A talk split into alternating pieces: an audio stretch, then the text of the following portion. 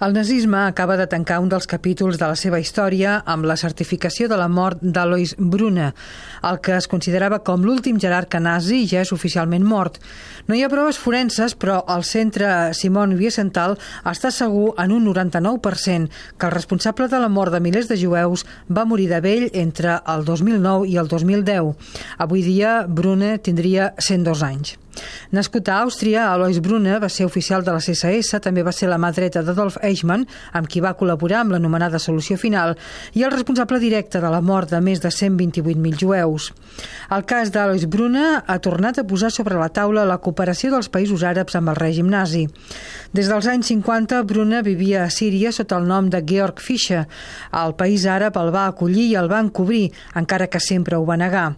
Amb la falsa identitat de Fischer, l'any 1985 va ser entrevistat per la revista alemanya Bunte i el diari també Chicago Sun-Times, on va dir que només es penedia de no haver matat més jueus. La revista i el diari també publicaven unes fotos de Fischer que van ser analitzades per antropòlegs i comparades amb fotos de Bruna. La conclusió que van arribar és que tots dos eren el mateix home. Tot i aquestes proves, Alois Bruna Georg Fischer va seguir vivint més o menys tranquil·lament a Damasc, on havia fet d'assessor en tècniques de tortura del règim sirià.